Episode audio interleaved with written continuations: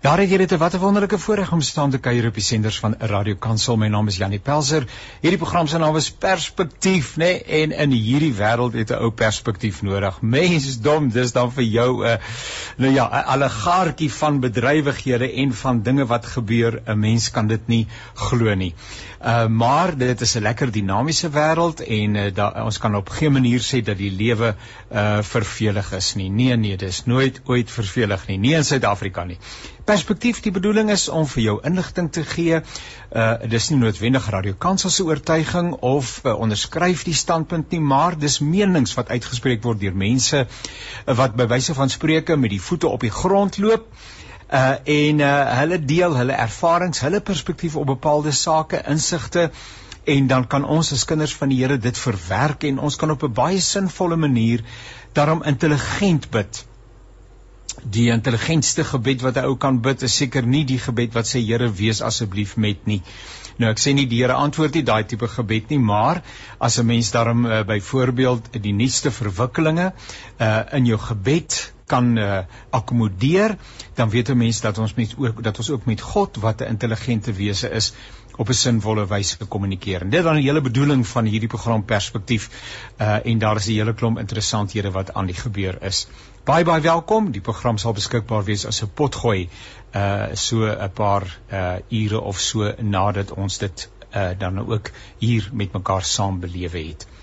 Dis my baie baie lekker om saam te kuier met professor Dirk uh Kotse uh, en ek kan sien hy's in sy motor. Hy's 'n man wat baie besig is en hy stop iewers langs die pad om gou saam te gesels. Professor Dirk baie baie dankie dat u uh, saam met ons is. Uh u mikrofoon is nog afgeskakel sien ek op hierdie stadium. U mikrofoontjie is nog af. Kom ons hoor net of ons vir u kan hoor. Goeiemôre. Ja goeiemôre en baie baie dankie En skuis dat ek nou vir u so in u reis onderbreek. Uh ek vertrou dat dit nie te veel ongerief veroorsaak nie, maar baie baie dankie dat u bereid is om vir 'n paar oomblikke saam met ons te kuier. En dankie. En dan het ek vir professor Pieter uh, Potgieter, hy's telefonies met ons in verbinding. Goeiemôre professor. Ek vertrou dit gaan goed met u. Môre Jannie, uh, Labeskag nie, nie Potgieter nie, maar dis maar lekker om te gesels. Ja, ek is nou vanoggend in mekaar met potgieter want waar het ek vanmiddag 'n potgieter in 'n program dink ek? En uh, so vergewe asseblief maar uh, professor uh, Pieter Lapaskagni baie baie welkom en baie dankie. En ek sien ook op my teks geskryf professor Pieter Potgieter. Vergewe tog asseblief uh, dit is nou net um, uh, daar 'n tik fout. Professor Pieter Lapaskagni en professor uh, Dirk Kotse. Nou julle twee ken mekaar natuurlik uh, baie goed ook van uit die ruimte wat julle met mekaar deel Pieter Ja, Janie, ek en Dirk het vir 30 jaar saam gewerk. Uh, ek ons het altyd gelyk dieselfde tyd aangestel by Unisa, so ons kom 'n baie lank pad saam. Ons het baie dinge al saam gedoen, maar ek dink dit is die eerste keer wat ek en Dirk saam aan 'n radiogesprek deelneem. Wonderlik. Uh, uh, nou maar dit is dan 'n eerste keer. Dit is wonderlik. Uh Prof Dirk, ek het nog al gedink as u so vir 'n enkele oomblik net die ehm um, die ja, wat is die regte woord, die die leefwêreld van 'n politieke wetenskaplike wil beskryf. Uh, want dit is die die die die veld waar binne u en ook professor Pieter beweeg. Ehm um, hoe lyk daai leefwêreld? Hoe bly 'n mens by by dit wat aan die gebeur is?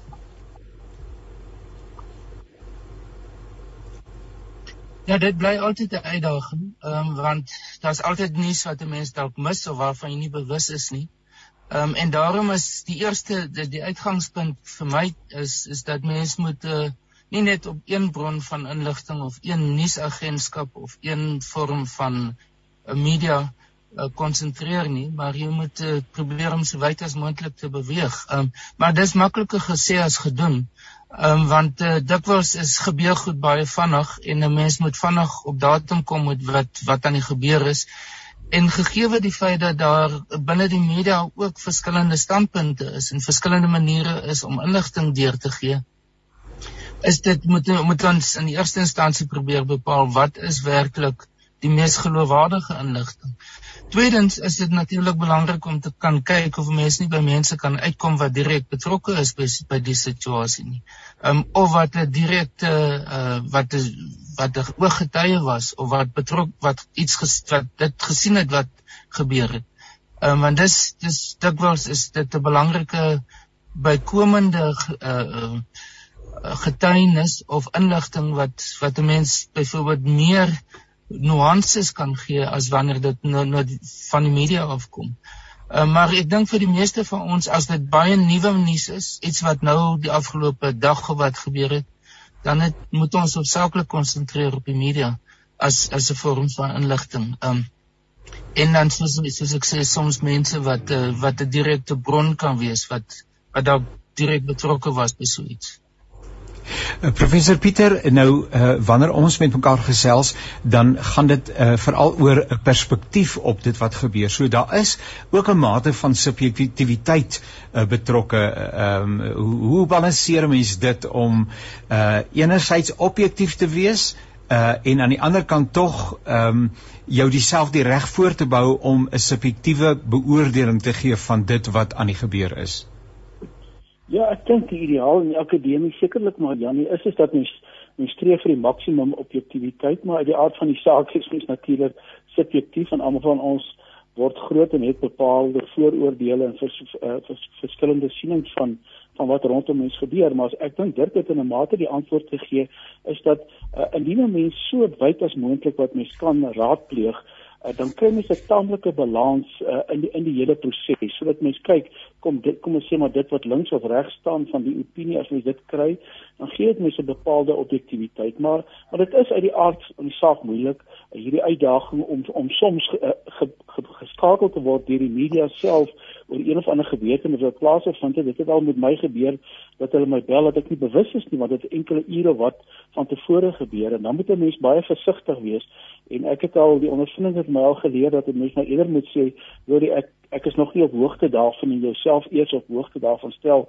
anders dan kan jy dalk weet in 'n moeilike situasie beland maar objektiviteit is iets waar waar waarna mense maar altyd streef en om, om dit te kan kan bereik is nie baie maklik nie want mense het mense mens het bepaalde sienings en daar is maar situasies wat mense emosioneel oorvoel maar dit is maar deel van die proses. In die akademie doen ons dit, wie ek soos gesê het, soveel bronne as moontlik te raadpleeg, die bronne te mekaar op te weeg, kyk watter van hulle die, die betroubaarste is en natuurlik baie versigtig te wees vir sensasie.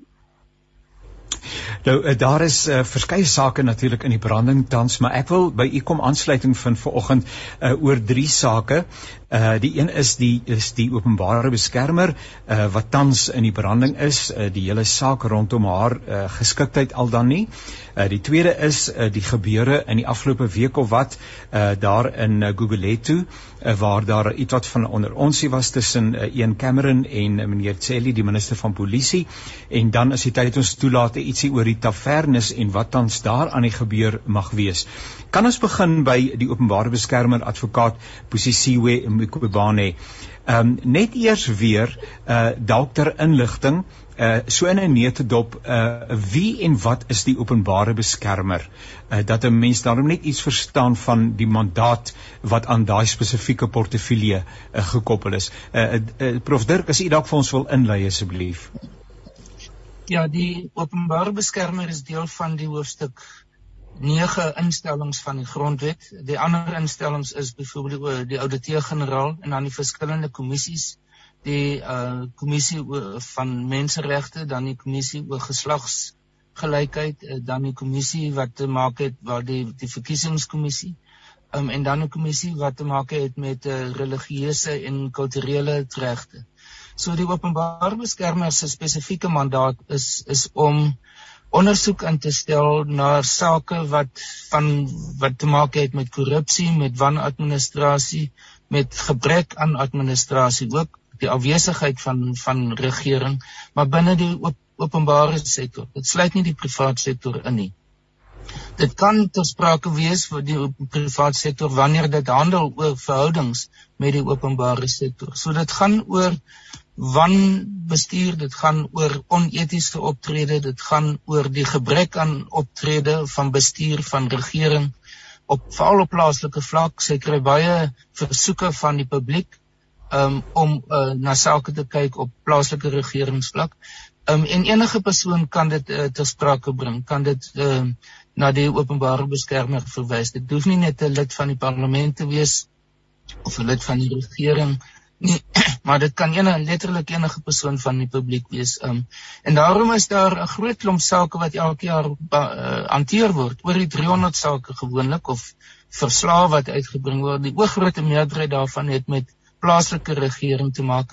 En die meeste van die tyd hoor ons nie eers daarvan nie want ja. hulle is natuurlik baie minder kontroversieel as dit wat nou die afgelope paar jaar in die media verskyn het. Uh professor Pieter in aansluiting daarbey, uh, uh ook die vraag uh, as ek so luister na gesprekke rondom daardie spesifieke portefeulje en dan uh, veral dan ook die persoon wat is um, noem dit nou maar voorsitter of uh, hoofraadgewer in daai bepaalde uh, of hoof uh, optree, uh, is dit nie gevaarlik om soveel mag in een portefeulje uh, te vestig nie. Is daar checks and balances?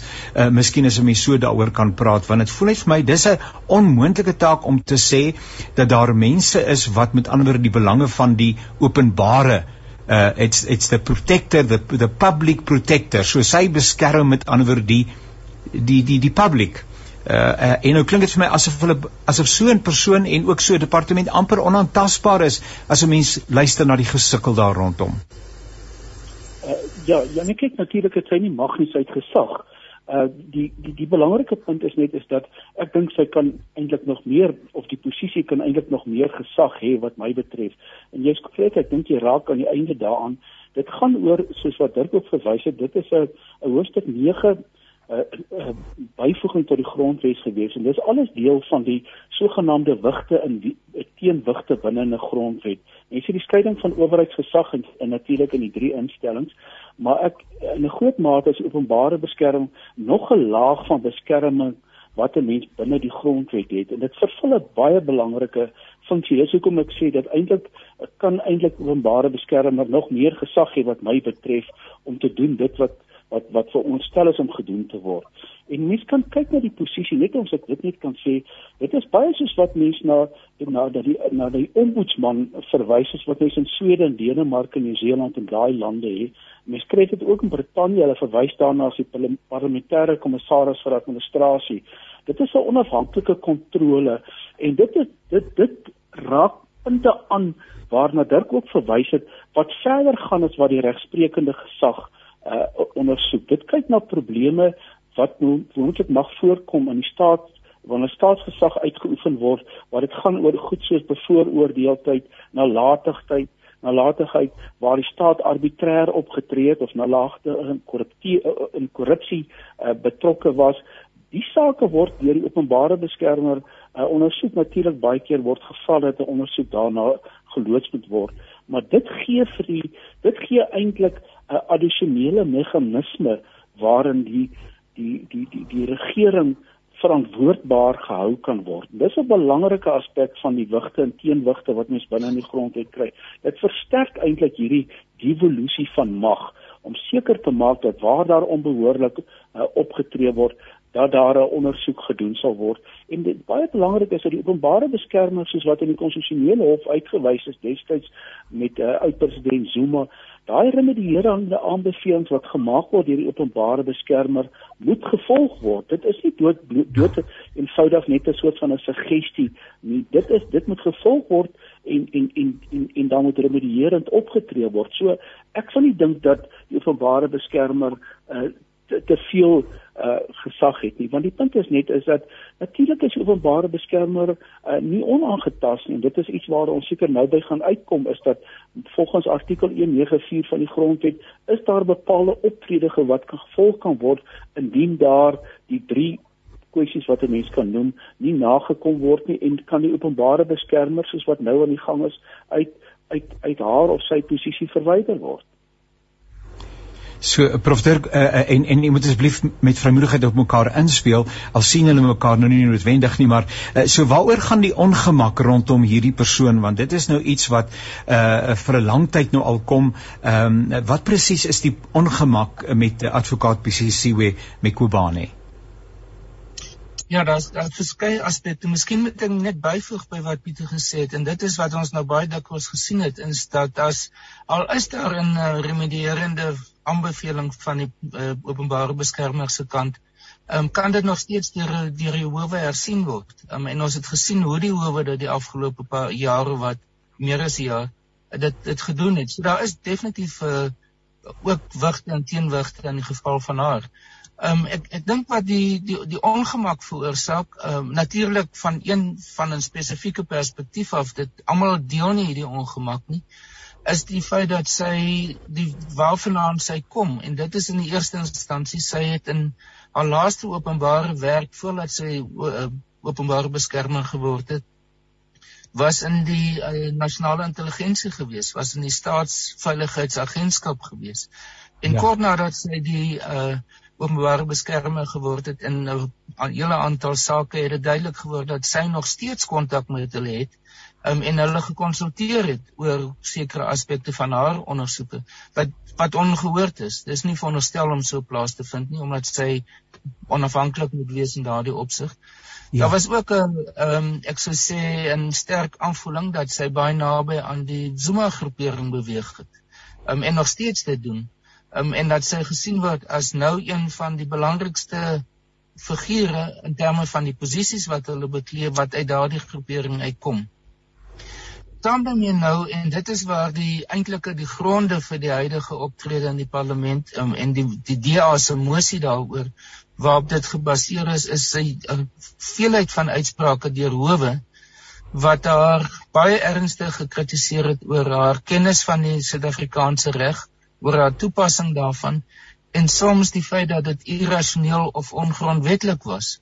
In sommige gevalle het sy ook buite haar mandaat beweeg en uh, sake hanteer soos byvoorbeeld wat die Absa Bank en Reservebank uh, ingesluit het wat wat nie noodwendig binne haar binne haar mandaat was nie.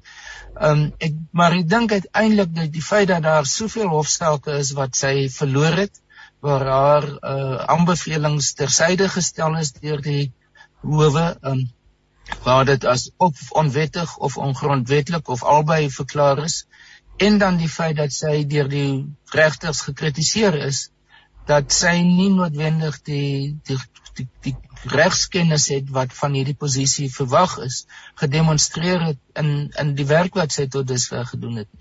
So, Ja, so uh, professor Pieter in in, in aansluiting daarbey, uh, as ek reg gehoor het, dan kos uh, hofsaake om vir haar in haar posisie te probeer behou uh, op hierdie stadium en dit word sou blyklik gefinansier deur daai spesifieke departement uh, by die 15 miljoen rand. Uh, waarom is dit so 'n uh, geworstel om uh, die saak tot by sy finale konklusie te voer? Ehm um, en en en byvoorbeeld uh, haar uh, advokaat uh, Dalim Fofu maak nou is onder andere daarvan gewag dat uh, sy nie toegang gehad het tot haar dokumentasie nie en dan natuurlik die sogenaamde bevooroordeeldheid van meneer Ramaphosa teen wie sy sogenaamd 6 uh, korrupsiesake ondersoek tans en dat hy nie ehm uh, geregverdig met ander oor haar posisie kan besluit nie. Uh, uh, ja nee, ek dink wat ek kan net net dit byvoeg Uh, Natuurlik dit wat Dirk gesê het is alles korrek. Ek stem daarmee saam. Ek dink ek dink sy was natuurlik ook in 'n baie onbenydenswaardige posisie want sy het gevolg op toe die Madonsela wat wat baie gewild was op oor op as ja. openbare beskermer. Sy het bewys dat sy dat sy neutraal en objektief kon wees en dat sy sake op daai manier kan ondersoek. Terwyl mens die indruk hier kry soos wat Dirk gesê het is dat sy baie naby aan aan oud-president Zuma gestaan het. En as mens net kyk na wie die apologete is wat haar baie sterk in hierdie stadium verdedig is natuurlik uh, advokaat Mpofu en natuurlik die EFF dit wys my dat sy in daai politieke dampkring beweeg. En dit is juist wat mense wil hê nie.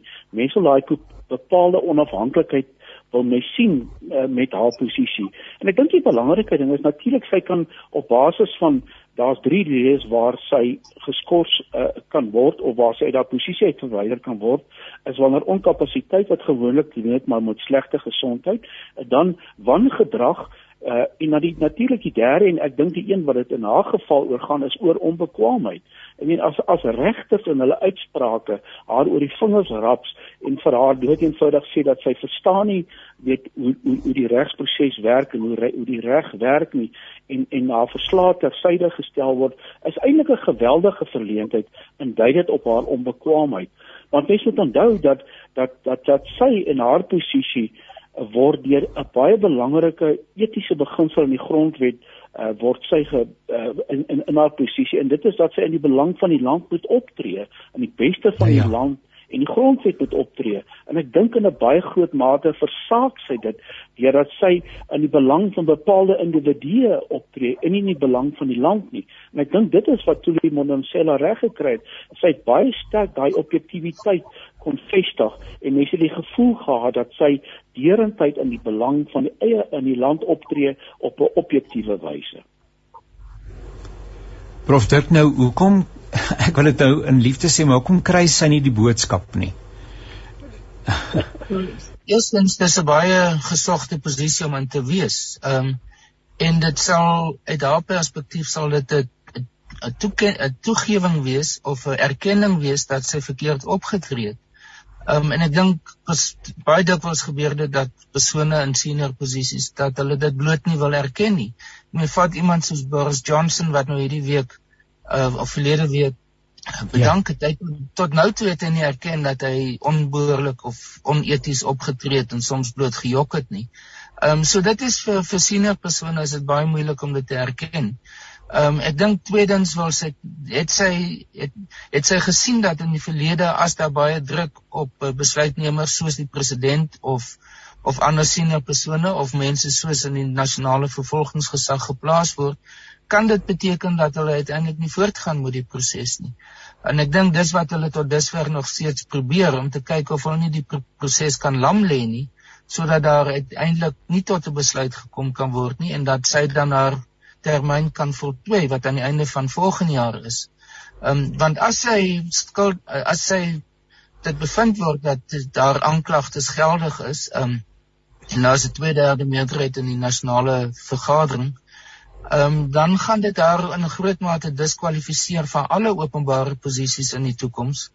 Ehm um, en hoewel dit nie direk in die grondwet staan nie, maar wel in die toe van toepassing is op die die president wat deur presies dieselfde proses sogenaamde impeachment gaan, dan verloor hulle hulle al hulle belange wat seker sou insluit hulle pensioen. So daar's daar's groot belange ter sprake by hierdie situasie. Nou ja, uh, jy luister na die programme van Radio Kansel. Hierdie program se naam is Perspektief. Uh, ons gesels oor 'n paar sake wat tans in die branding is. Uh, en uh, my gespreksgenote is professor Dirk Kotse en professor Pieter Potgieter.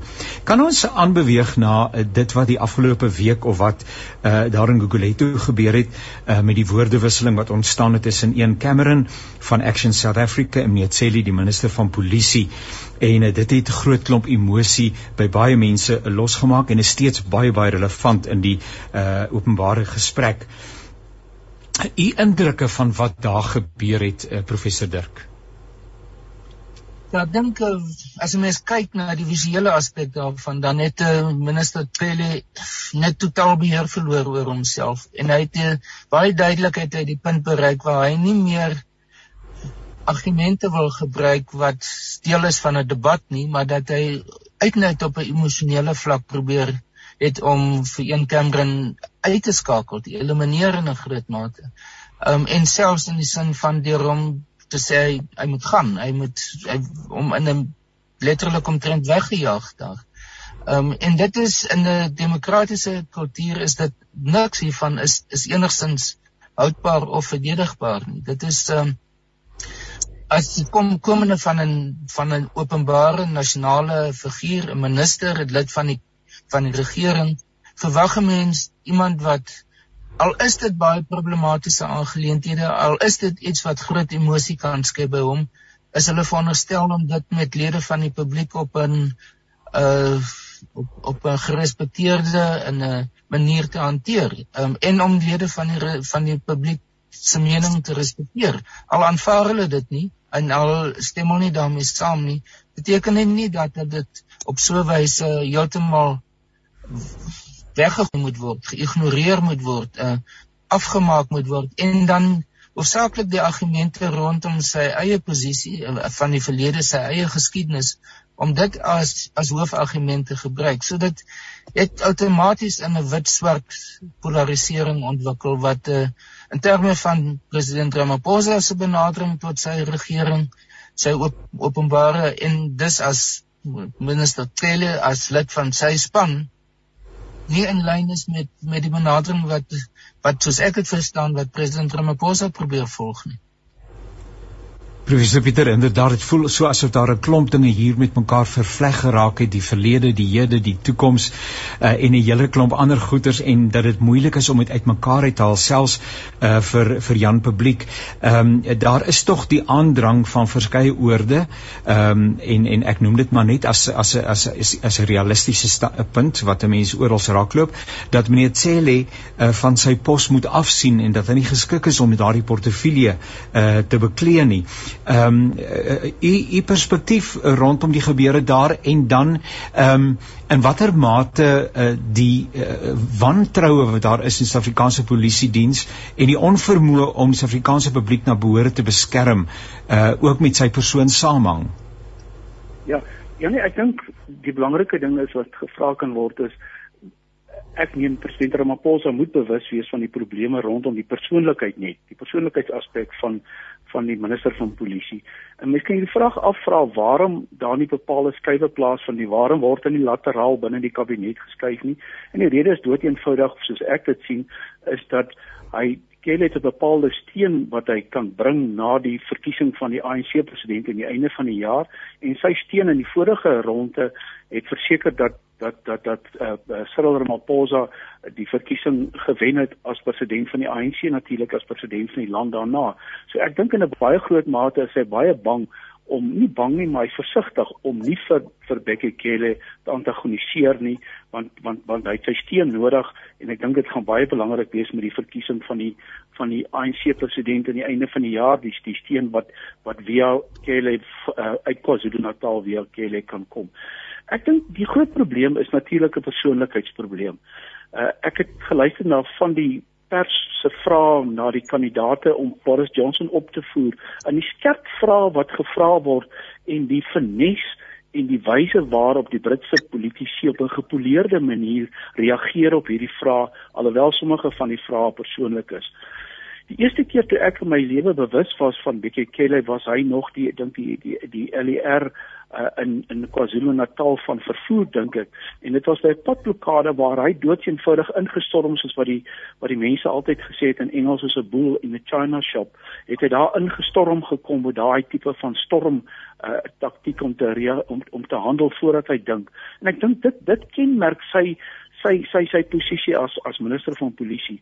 En een ding wat hy wat hy in hierdie hele proses wat hy mis en wat hy kort kom is dat dit gaan in 'n baie groot mate in 'n land wat misdaad getuister getuister is waar ons met probleme sit waar daar uh, iets soos ek dink dit is uh, 20000 mense jaarliks vermoor word en ek praat nie van die ander misdade in die land nie. Daar's hoë spanning in die land. En dit is baie belangrik vir 'n minister van polisie om ook 'n kommunikator te kan wees, om mense gerus te kan stel en om mense te kan kalmeer. Dit dit bring hy nie. Hy bring nie kalmte nie. Hy bring nie rustigheid nie.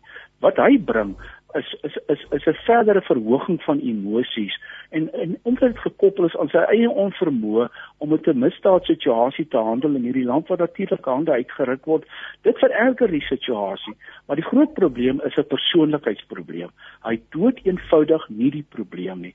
Hy sal baie beter doen as byvoorbeeld 'n minister van waterwese waar hy nie nodig het om op mense op hierdie wyse te kommunikeer nie.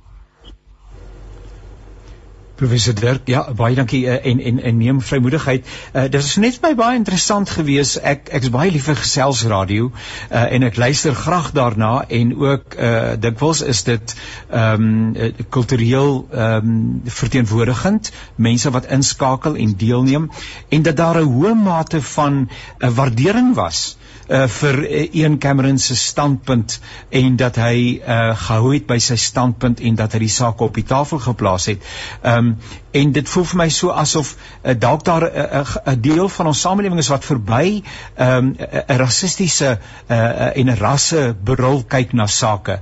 En hier dood gewoon gesê het, maar luister, ons belange is hier op die tafel en dit word nie na behore aangespreek nie en een verwoord iets van ons eie ongemak en teleurstelling met veiligheid in Suid-Afrika.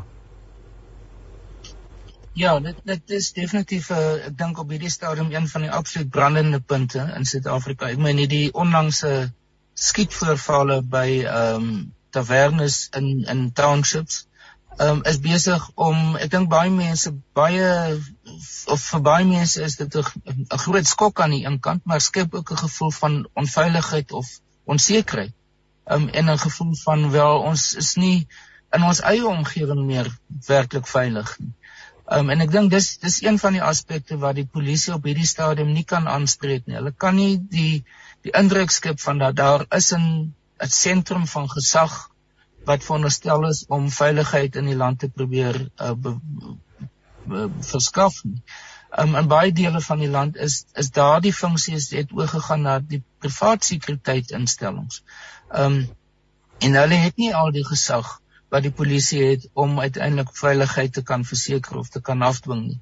So dit dit het 'n 'n absolute groot uh samelewingsprobleem geword. En ek dink die en dit dit gaan definitief oor grense. Dit gaan oor grense van van wit of swart of geslag of waar mens woon of hoe oud 'n mens is. Dat dit het eintlik niks daarmee te doen nie. Dit het te maak met 'n persoon op sigself wat 'n teken kan word. Um en en in daardie opsig is dit 'n uh, van absoluut kardinale belang dat daar 'n uh, persone is met 'n uh, met 'n kalm gemoed om hierdie situasie te kan aanspreek en leierskap te kan toon. En ek dink op hierdie stadium is dit wat ons sien is eerder 'n 'n Bekele steeds as nasionale kommissaris van polisie en nie as van minister nie, want hy op daardie stadium het hy gesê wel, te onder andere gesê as polisie gekonfronteer word met hulle skiet om dood te skiet.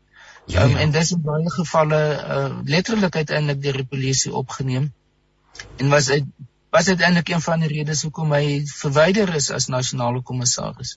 So ek, ek dink Pieter is dink ek vergeet die rede waarom hy nog in sy pos is en dit is die politieke gewig wat hy in KwaZulu-Natal dra en die die feit dat hy in 2017 definitief 'n rol gespeel het om stemme uit KwaZulu-Natal vir president Ramaphosa te kry. En nou is KwaZulu-Natal weer in dieselfde situasie. Die die uh provinsiale konferensie kon nog nie plaasvind nie. Dis duidelik dat hulle baie verdeeld is. En wat beteken dat daar wel ondersteuning vir president Ramaphosa is, maar dis ook die provinsie wat waarskynlik die meeste steun vir sy teenstanders sal wees. Iemand ja. soos Willem Pisi. Ehm um, so daarom is het het KwaZulu-Natal 'n baie prominente provinsie binne die ANC se politiek geword. Ehm um, en vir die nabye toekoms gaan dit wees en persone soos Bekkie Cele die minister nou van water en sanitasie, uh Zenzo Mkhunu wat ook 'n wat 'n voormalige premier is, Zweli Mkhize wat ook 'n voormalige premier is, is almal belangrike figure in die Suid-Afrikaanse politiek. As ek vir 'n oomblik net deur en ons kyk eintlik maar die hele tyd deur 'n Christelike bril, maar ook vanuit die uh ons verbondenheid aan Radio Kansel, uh, dan dink ek aan Paulus wat in Romeine 13 vir ons maan om onsself te onderwerp aan die owerhede uh en dat ons ook vir hulle sal bid. En so ook hierdie inligting wat ons hier het help vir ons om op intelligente wyse te wit maar bid. Maar uh, daar is ook 'n uh, daar is ook 'n uh, kwalifikasie in Paulus se voorskrif naamlik dat 'n omgewing geskep word waarbinne uh, die koninkryk van God kan kom Ehm um, en wanneer dit dan nie gebeur nie, eh, dan het 'n mens tog sekerlik die verantwoordelikheid om op te staan en te sê, ehm um, Paulus het nie gehuiwer om dit te doen nie, Jesus het nie gehuiwer om dit te doen nie, ehm um, om om om wel 'n uh, standpunt in te neem nie. Uh, nou uh, wonder ek net as u dalk ietsie wil sê, ehm uh, dis ongewoon. Ek kan nie dink dat ek ehm um, in die resente verlede uh, iemand gesien het wat vanuit Jo, dis baie moeilik om hierdie goeters te gesels sonder om al hierdie sentimente en emosionele goeters in te trek. Dit is nie my bedoeling nie. Maar een verteenwoordig in 'n sekere sin, ehm um, ehm um, die die stem, 'n sekere stem. Uh, en en en een het skielik opgedaag en het die plek en die posisie ingeneem gesê as Christen het ek die reg om te proteseer.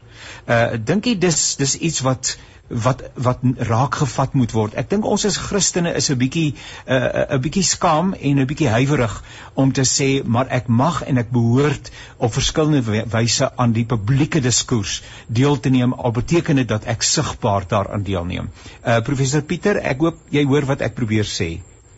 Ja, nee natuurlik Jan, maar net net voor dit uh, iets wat ek net laasens voor terwyl ons nou ons minister van polisie Kelle bespreek is dat uh, sy absolute voet in die mond standpunt dat uh in die nuwe soort van polisie polisie diens of aanstellings wat hulle wil doen dat hulle nie iemand met tatoeëermerke sal wil aanstel nie. Jy weet daardie oudmodiese tipe van etikering van mense op basis daarvan dat indien jy 'n tatoeëermerk het dat jy nie dat jy nie goed genoeg is en dat dit 'n bepaalde ja. karakter trek. Ek meen dit is nou werklik waar 'n mees dom en ja. sensitiewe ding om te sê. Natuurlik Janie, Christene speel 'n baie belangrike rol in in in in, in binne 'n samelewing is daar verskillende lae of segmente wat wat eintlik ek sal nie sê konfrontering staan teenoor die staat nie, maar wat in 'n posisie staan waarin 'n staat verantwoordbaar behou en ons verwys na dit as die burgerlike samelewing, civil society in Suid-Afrika in Engels, maar in in ons geval is natuurlik kerke speel 'n baie belangrike rol en natuurlik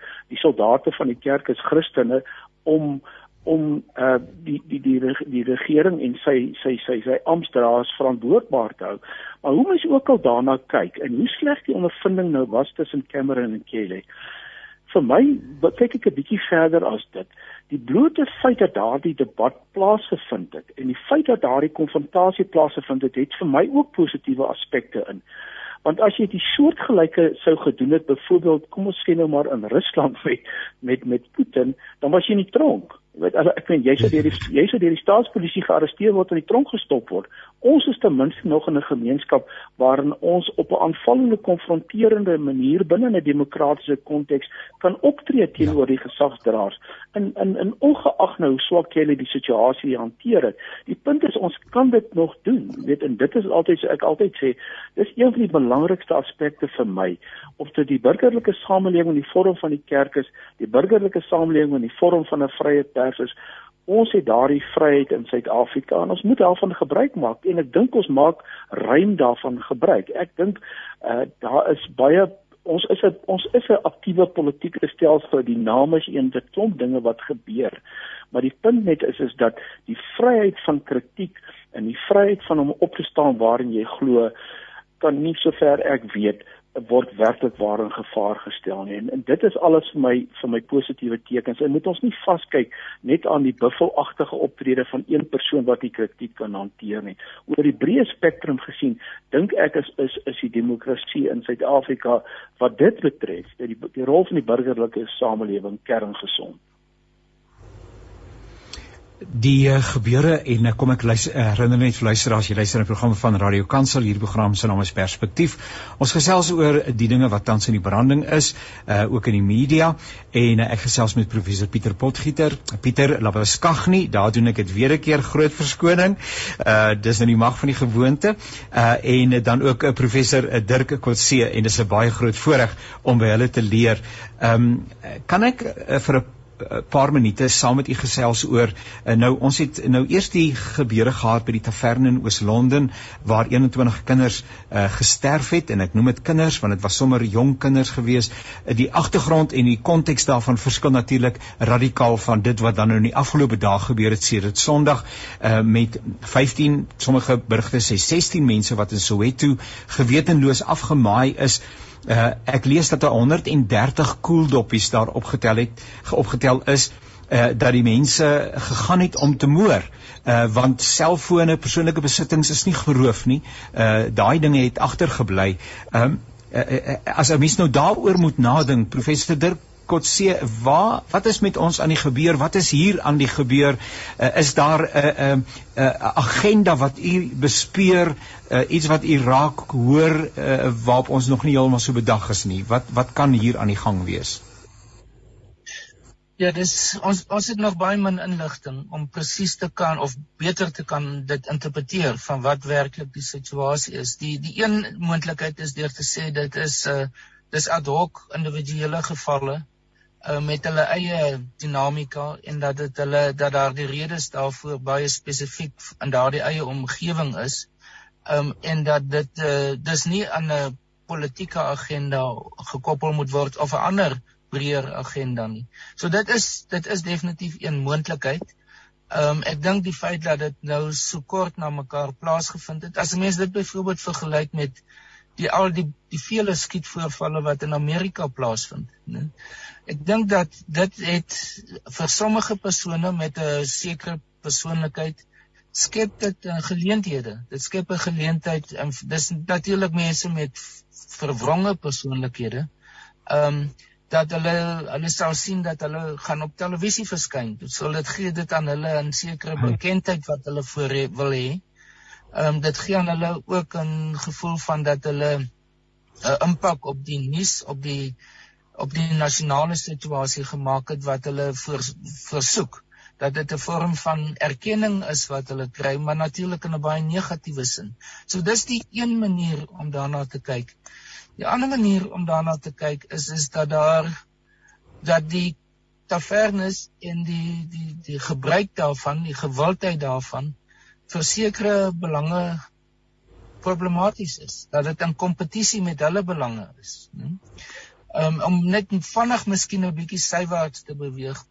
Daar is redelik sterk beweringe dat byvoorbeeld die taxi bedryf aanvalle op veral busse geloods het en op op die spoorweë, treine om hulle te probeer elimineer sodat mense meer taksies kan gebruik. Hey. As 'n mens da, as 'n mens daardie logika gebruik, is dit moontlik om dit hier ook van toepassing te maak.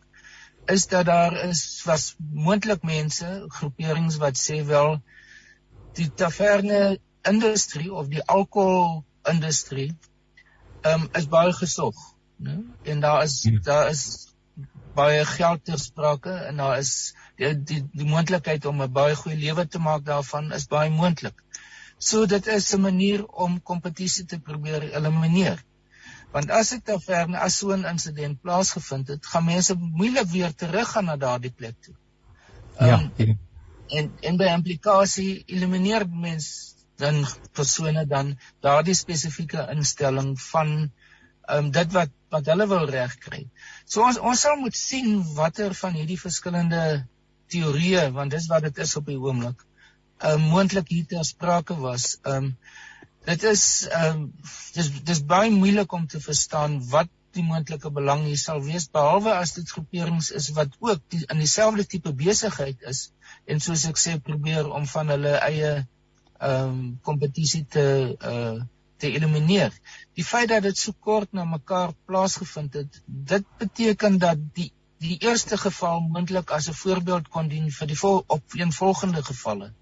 Ehm um, dat mense daar 'n idee begin kry het, maar dis moontlik om dit te doen en dat die impak daarvan so negatief is, ehm um, wat moontlik hulle belange kan help uiteindelik. Maar soos jy hoor, dit begin spekulerend van aard word. Ja, um, ja. En daarom is en dis hoekom ek in die begin gesê het die feit dat ons nog so min inligting het beteken dat ons nog nie werklik 'n goeie interpretasie hiervan kan gee nie. Professor Pieter, uh, ek het uh, vir meneer want ek ek het in die radioprogramme wat ek luister, uh maak mense daarvan gewag dat die ehm um, die intelligensiediens uh te van die Suid-Afrikaanse polisie uh, ensovoorts ensovoorts beskermingsdienste nie in plek is nie. Hulle moet hierdie tipe van ding kan ondervang en kan raak hoor. Nou as ek dink aan meneer Tsele uh, om vir oomblik terug te kom by hom, dan het ek hom meer as een keer gehoor sê ons weet wie hulle is. Uh, nou met verwysing na die Julie onluste van verlede jaar en ook nou in hierdie geval, uh, jy hoor van baie mense wat in hegtenis geneem is van vervolging wat plaasvind en dies meer, maar jy hoor nêrens 'n naam wat vir jou gerus stel en sê maar wag 'n bietjie, die ware rolspelers is geïdentifiseer en word uh, aangetree nie. Ehm um, is dit nie alles net oë vir blindery nie. Ehm um, uh, kan kan ek net die gedagtes toets rondom intelligensie uh, en is dit hoegenaamd moontlik om 'n uh, intelligensiediens in so 'n mate te bedryf dat die samelewing veilig is? Ja. Nee, as jy nie sal omgee nie, sal ek net graag wil net wil aanvul by wat my wat my kollega gesê het oor die oor die skietery die ter verre dan wil ek sal ek terugkom na jou na jou vraag toe is dat Uh, natuurlik ek stem al 100% saam met wat hy gesê het. Ek dink dit is 'n dit is 'n geval van van van van kompetisie en om om om jou teenstander met gaan oor geld uh weet jy natuurlik uh, op hierdie wyse verdag te maak en natuurlik daai kondisie vir jouself te kry. Maar die rede wat jy self kan afvra, hoekom die tavernes Die rede daarvoor is doeteenvoudig is ook dat dit dat dit 'n maklike teiken is. Weet as jy 2, 3 uur die oggend of, of wanneer ook al wanneer die mense nou lekker gekuier het en natuurlik alkohol en so ingeneem het, is dit eintlik 'n verskriklike maklike sagte teiken en dit kom al 'n lang pad. Ons ons het miskien uh, kan ons ourself herinner aan 1993 toe toe Appla uh, die Heidelberg taverne onder die Kaap aangeval het uh, destyds. So dit is dit is 'n baie maklike maklike teiken om om om aan te val. Maar die punt is is net is dat ons sit met 'n situasie soos wat Dirk gesê het, soortgelyk in Amerika. Ons het 'n gewelddadige samelewing in 'n tot in 'n groot mate. Weet jy as mens net daaraan dink, ek lees dat daar iets soos 3 miljoen geregistreerde vuurwapens in die land is. En die estimasie, want dit kan net 'n estimasie wees, is dat daar 4 miljoen uh, ongeregistreerde wapens. Dit beteken dat daar 7 miljoen wapens in Suid-Afrika is. Waarvan van daai onwettige wapens vuurwapens soos AK47 gewere is. Dit wys net is 7 miljoen vuurwapens in 'n samelewing van 60 miljoen mense. Dis 'n geweldige hoë aantal vuurwapens en dan sit ons met die situasie dat dat dat dat dat uh, dat ons in 'n groot mate wetteloosheid heers in sekere sekere sekere dele. Ek dink natuurlik die eerste tragiese dood van die mense in die eerste taverne het is heel uh, anders gewees en dit gaan daaroor nalatigheid.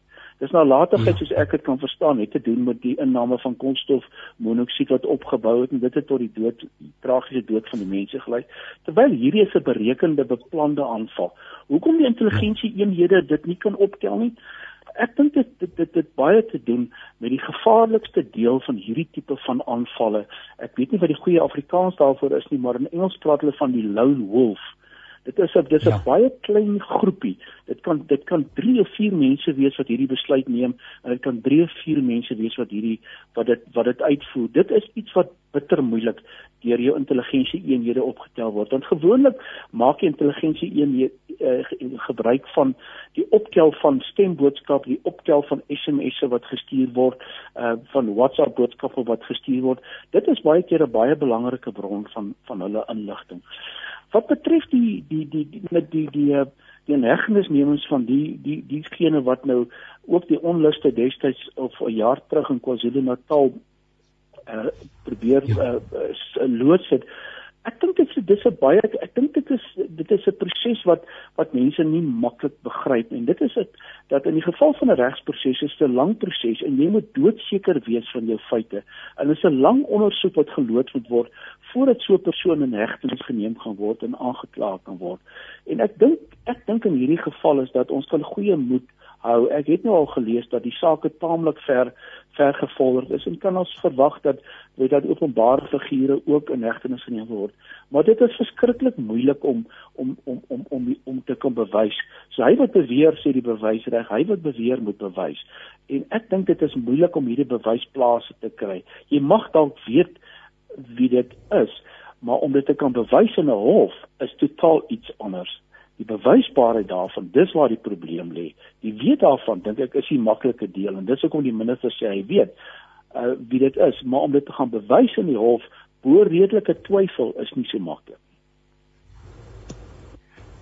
Professor wil u aanvul of byvul daar voor ek net 'n laaste vraagie vir u vra? Ja nee ek stem nog wel hoofsaaklik saam met uh, met Pieter. Ehm um, ek dink die die die probleem is is dat ehm um, aan die een kant kan hulle konsentreer op die mense wat wat hulle gesien het wat op televisie was wat afgeneem is wat in die verskillende winkelsentrums en so aan goed gevat het. Maar dis natuurlik nie die hooffigure nie. Um, en ek dink wat wat die publiek wil hê is wil weet dat die die 12 name wat wat genoem is of 19 um, dat hulle die persone is dat want daar is die een teorie waarmee president Ramaphosa begin het dat dit 'n insurreksie was. Sodat dit ja sentraal beplande proses was en as gevolg daarvan sê die mense die publiek nou maar dan wil ons sien dat daardie persone daardie polities gedrewe persone dat hulle geïdentifiseer moet word en natuurlik om dit te bewys is soos Pieter sê is is besonder moeilik. Ehm um, daar is die die verslag van die die Sandy Africa uh, paneel wat antwoorde gegee het dink ek of verduidelikings gegee het oor baie aspekte daarvan. Uh, maar dis nie dieselfde as om persone in die hof te hê en om hulle uiteindelik skuldig te bevind nie. So die die die situasie daardie opsig is is van selfsprekend op die oomblik dink die meeste mense voel dis onafgehandel en die kanse dat daar uiteindelik 'n 'n 'n antwoord op dit alles gaan wees is is relatief on on onmoontlik om omtrent dat ons dit kan verwag. Nou ja, dit lyk my die tyd het ons wel ingehaal, so ander vrae sal ons vir 'n volgende keer laat. Uh professor Dirk Kotse en professor Pieter Labeskagh vergewe weer 'n keer dat ek vir u gepotgieter is vandag. Uh dit is net altyd interessant nie as jy dink aan nou ja, Pieter, dan dink jy aan Labeskagh nie of jy dink aan potgieter. Die goeters gaan mos net saam met mekaar. So vergewe asseblief professor Pieter. Uh groot dankbaarheid teenoor u beide vir u deelname. 'n uh, Mens leer so baie. Dit gee vir ons nuwe perspektief. Dit help vir ons om die leefwêreld waarbinne ons as kinders van die Here op geloofwaardige eh, wyse moet optree, as ingeligte mense, as relevante mense moet optree wat op hierdie aarde sout en lig moet wees. Dit help vir ons om daaraan inhoud te gee. Uh, professor Dirk, baie dankie en mag jy 'n wonderlike dag hê. Baie dankie, totsiens. En uh, professor Pieter, baie baie dankie, mag u 'n aangename dag hê. Baie dankie Janie, dit was lekker geweest. En dan in DK wat vir ons die tegniese ver, uh, versorging behartig het. Baie baie dankie aan jou kollega en uh, luisteraars, dankie dat jy ingeskakel was. Tot 'n volgende keer. Alles wat mooi is.